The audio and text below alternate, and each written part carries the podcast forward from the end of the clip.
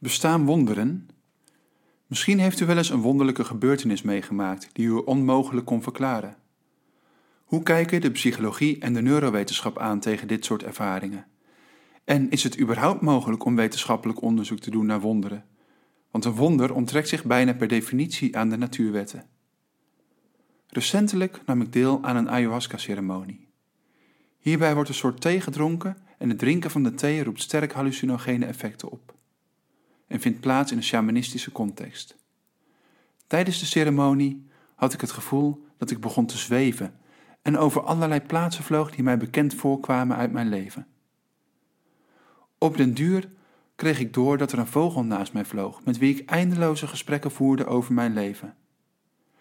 Nadat ik samen met de vogel ongeveer de hele wereld over was gereisd, landden we op den duur weer op de grond en de vogel kwam op mijn schouder zitten en we bleven samen nog een tijdje doorpraten.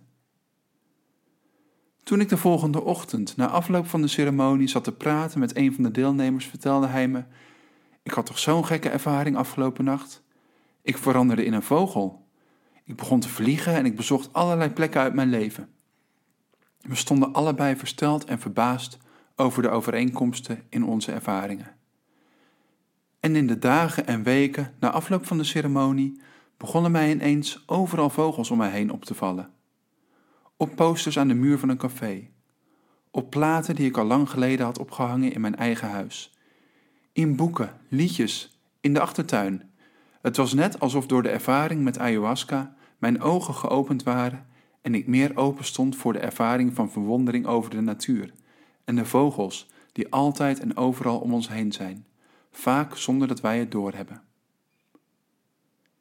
In de psychologie worden dit soort gebeurtenissen ervaringen van betekenisvol toeval genoemd. Een schijnbaar toevallige samenloop van omstandigheden. Omdat de samenloop te toevallig lijkt, kennen we hier een speciale betekenis aan toe. We gaan op zoek naar een dieperliggende verklaring, waarmee we kunnen begrijpen waarom die gebeurtenissen precies op dat moment plaatsvonden. We denken bijvoorbeeld aan een bepaald persoon die ons vervolgens opbelt, precies op dat moment. We horen een bekend liedje op de radio dat we al in geen jaren meer gehoord hebben en dat een heel speciale betekenis voor ons heeft. We zijn in een vreemde stad in Zuid-Frankrijk op vakantie en komen een vriend tegen van de basisschool, die we al in geen twintig jaar meer gezien hebben. De psychologie verklaart dit soort ervaringen al snel weg. Puur op basis van waarschijnlijkheidsrekening komen dit soort ervaringen af en toe voor. Ons brein hecht hier echter al snel een speciale betekenis aan. En dat komt waarschijnlijk omdat onze hersenen supergoed zijn in het detecteren van patronen. Normaal gesproken helpt het ons om verbanden op te merken tussen gebeurtenissen die aan elkaar gerelateerd zijn. In sommige gevallen leidt onze waarneming echter tot het constateren van verbanden die er eigenlijk niet zijn. Het is gewoon dom toeval en het heeft eigenlijk geen zin om te gaan zoeken naar een dieperliggende verklaring. Na de ayahuasca-ceremonie in het bos had ik hier een discussie over met de andere deelnemers. Veel van hen hechten een speciale betekenis aan de ervaringen die ze hadden gehad. Zij waren ervan overtuigd dat ze een andere werkelijkheid hadden gezien en dat de sjamaan hun gedachten kon lezen. Zelf deed ik de ervaring af als betekenisvol toeval. Het was een opmerkelijke samenloop van omstandigheden, maar af en toe gebeuren dat soort dingen gewoon. Vanuit de neurowetenschap kunnen we goed begrijpelijk maken hoe dit soort ervaringen optreedt. Een van de theorieën over de ayahuasca-ervaring stelt bijvoorbeeld dat tijdens deze ervaring ons brein in een nieuwe toestand van wanorde is, ook wel entropie genoemd. Er worden allerlei verbindingen gelegd tussen hersengebieden die normaal gesproken niet met elkaar communiceren. En op die manier gaan we dingen zien en horen die in ons alledaagse bewustzijn onmogelijk lijken. Uiteindelijk vroeg een van de deelnemers mij hoeveel van dit soort wonderervaringen ik zelf nog nodig zou hebben om overtuigd te raken van het bestaan van een andere, hogere werkelijkheid. Ik weet zelf niet precies wat er voor nodig zou zijn om een scepticus als mij te overtuigen. Voor mijn gevoel ben ik te veel gepokt en gemazeld door de psychologie en de neurowetenschap, die alles weg kunnen verklaren. Wij zijn ons brein. De vrije wil bestaat niet. Voor alles wat wij meemaken kan een neurobiologische of een psychologische verklaring gegeven worden. Dus ook voor wonderervaringen, ervaringen onder invloed van ayahuasca, maar bijvoorbeeld ook voor gebedsgenezing, paranormale verschijnselen en mystieke ervaringen. Op de tentoonstelling Allemaal Wonderen in het Katerijnenconvent zijn bijvoorbeeld kunstwerken te zien die refereren aan de wonderlijke genezing die heeft plaatsgevonden. Ook in tijden van de coronacrisis hopen veel mensen op een wonder. We hopen dat de naaste van ons die getroffen is toch genezen zal worden. We hopen dat we zelf beschermd blijven voor het virus. En we voeren misschien wel bijgelovige rituelen uit of zeggen een schietgebedje. Recentelijk werd er zelfs een gebedsdag georganiseerd, waarbij de gelovigen in Nederland gingen bidden voor het welzijn van Nederland en de wereld in tijden van crisis. Dit gedrag valt goed te begrijpen vanuit de psychologie. Zo weten we uit onderzoek dat mensen een fundamentele behoefte hebben aan controle. En in onzekere tijden als deze grijpen we graag terug op iedere mogelijkheid om toch een beetje controle te ervaren. We kopen mondkapjes, slaan massaal boodschappen in en organiseren dus een gebedsdag. Bidden helpt omdat het ons een gevoel geeft dat niet alles verloren is. Dat er een God is die uiteindelijk toch alle touwtjes in handen heeft. Bidden biedt ons een manier om toch een gevoel van controle te ervaren over een situatie die eigenlijk nauwelijks controleerbaar is.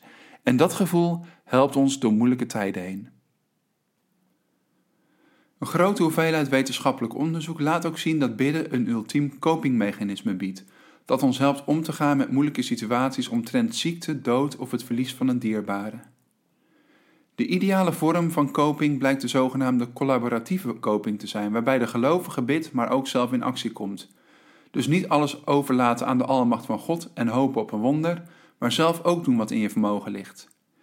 In de huidige situatie vertaalt zich dat voornamelijk naar, naar blijf vooral thuis, neem de hygiënevoorschriften in acht en gebruik je gezonde verstand om niet massaal de natuur in te trekken als het mooi weer is. Maar, helpt bidden nou echt? Is er wetenschappelijk bewijs voor het ingrijpen van God in de wereld? Is er hoop op een wonder dat zich onttrekt aan de natuurwetten? Helaas is er een grote hoeveelheid onderzoek naar de effectiviteit van gebed met nogal teleurstellende resultaten.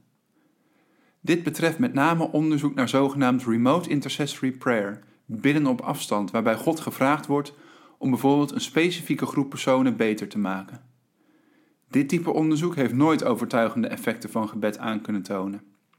Alle resultaten konden wegverklaard worden als toevalsbevinding of toegeschreven worden aan het placebo-effect.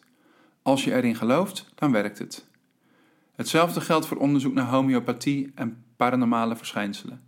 Alternatieve geneeswijzen werken, maar alleen als je erin gelooft. Het is één groot placebo-effect. Maar ook het placebo-effect heeft zijn grenzen en is waarschijnlijk niet opgewassen tegen het coronavirus. Heel hard hopen, denken of bidden dat je niet besmet raakt, is helaas geen garantie om ongeschonden de crisis door te komen. Wat bidden wel vermag, net dat mentale steuntje in de rug geven waardoor we ons met z'n allen wat meer verbonden voelen en met gevoel vasthouden dat er hoop is. En baat het niet, dan schaadt het niet. Een schietgebedje kan nooit kwaad en zo zou je zelfs als ongelovige dus wellicht toch nog een steentje kunnen bijdragen aan de gebedsdag. De COVID-crisis biedt ons wellicht ook een nieuw perspectief op wat er doet en laat zien wat de positieve effecten zijn van even pas op de plaats maken. Voor sommigen levert het wat minder stress op, niet alleen bij mezelf, maar ook bij mijn collega's. Een aantal zeggen nog nooit zo ontspannen te zijn geweest.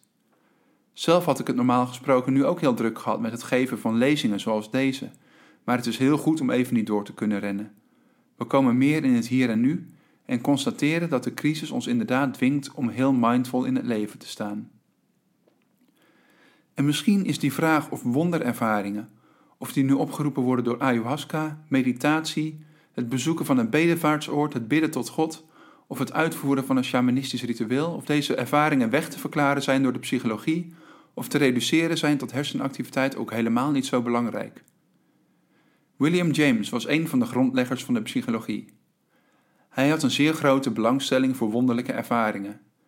En hij schreef een heel boek over een rariteitenkabinet aan ervaringen die hij gedocumenteerd had. Als er één ding opvalt bij het lezen van James, dan is het wel dat hij een uiterst pragmatische houding heeft ten opzichte van wonderervaringen. Hij stelt dat het niet zo zinvol is om deze ervaringen te verklaren vanuit de werking van ons brein.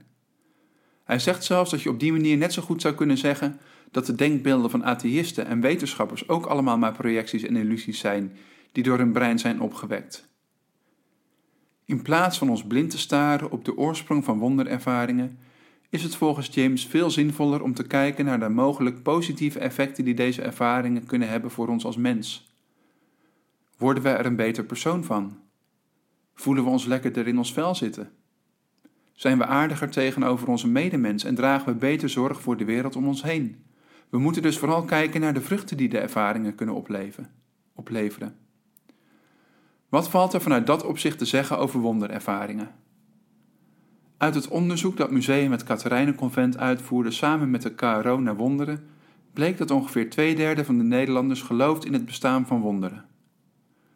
Wonderervaringen, zoals dromen van een vriend die kwam te overlijden, net ontsnappen aan een ongeluk, het gevoel dat er een beschermengel bij je was in een kritieke situatie, een bijna doodervaring of een boodschap krijgen die van hoge rand lijkt te komen, hadden voor de meeste mensen die het hadden meegemaakt een positieve invloed. Mensen met een wonderervaring stonden bewuster in het leven, hadden minder angst voor de dood en voelden zich meer verbonden met hun naasten. Ze ervoeren ook meer betekenis en meer zingeving. Maar niet alleen wonderervaringen roepen dit soort positieve effecten op. Allerlei onderzoek laat zien dat spirituele ervaringen, die gekenmerkt worden door een verlies van besef van ruimte en tijd, een verminderde focus op jezelf en een sterk gevoel van verbondenheid met de wereld om je heen, positieve gevolgen hebben. Mensen die betekenisvolle spirituele ervaringen hebben, zijn vaak mentaal gezonder, hebben minder fysieke klachten, betere sociale contacten en ze leven zelfs langer. Op basis van dit onderzoek zouden we tot de conclusie kunnen komen dat we allemaal op zoek moeten gaan naar wonderervaringen en spirituele ervaringen. Deze ervaringen kunnen optreden op allerlei plekken en in verschillende omstandigheden. Er zijn wat dat betreft veel wegen die naar Rome leiden. Zo voerden wij in 2016 een onderzoek uit op het Lowlands Muziekfestival. Wij vertelden deelnemers dat ze mee konden doen aan een experiment met de titel Trippen met de Godhelm. Door middel van elektroden gemonteerd in een brommerhelm zou hun brein gestimuleerd worden en op die manier zouden ze een spirituele of een mystieke ervaring kunnen krijgen. De Godhelm is ook te zien en uit te proberen op de tentoonstelling in het Katerijnenconvent. Echter zonder dat de deelnemers het wisten, maakten wij gebruik van een placebo-manipulatie. De helm deed feitelijk helemaal niets. Toch rapporteerden veel deelnemers de meest fantastische ervaringen. Mensen zagen visioenen, hoorden stemmen, hadden een buitenlichamelijke ervaring.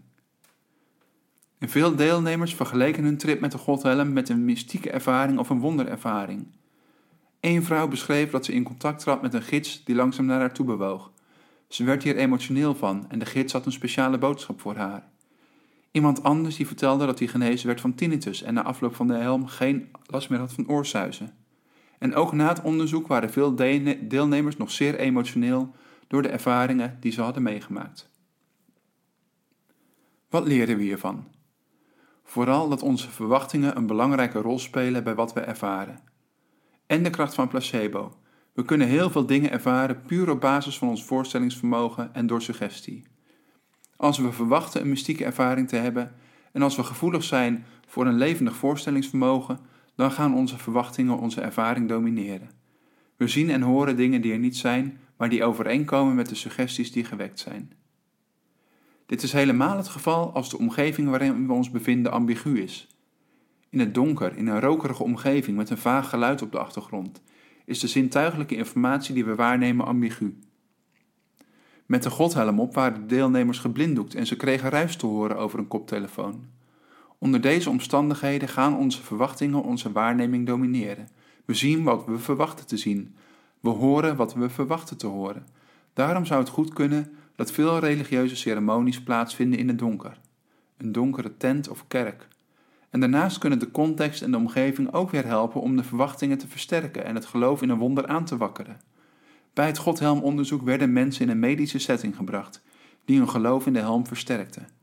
Ze kregen een hersenscanner te zien, er werden allerlei fysiologische maten afgenomen en ze keken naar een filmpje waarin andere personen over hun ervaringen vertelden. En in kerken en bij religieuze ceremonies dragen beelden, schilderijen en rituele voorwerpen natuurlijk ook direct bij aan het versterken van de verwachtingen en het geloof van degene die de kerk bezoekt. Allerlei ervaringen kunnen ons een gevoel van extase bezorgen. Van de Godhelm, meditatie tot natuurschoon en kunst. En op basis van wetenschappelijk onderzoek weten we dat wonderervaringen, maar ook spirituele ervaringen goed zijn voor ons als mens. Een mooi concert bijwonen, een museum bezoeken en even boven het alledaagse uitgetild worden, een bergwandeling maken of eindeloos langs het strand lopen. Zelf heb ik al op veel verschillende plekken gevoelens van extase en verwondering meegemaakt. Ik deel dan ook William James' pragmatische opvatting. Als het heilzaam is en positieve effecten heeft voor jou als persoon, jaag dan zelf jouw gevoelens van extase en verwondering na. Bezoek een kerk. Ga naar een museum of trek de woeste natuur in. En nu we veel thuis moeten blijven in tijden van de COVID-crisis, volg een meditatiecursus. Luister naar hoopvolle religieuze muziek. Ga met je volle aandacht tuinieren op het balkon of in de achtertuin. Lees een van de wijsheidsboeken van de woestijnvaders of mystici zoals Eckhart Tolle. Want door verlichting, zelftranscendentie en verwondering worden we uiteindelijk een mooier persoon.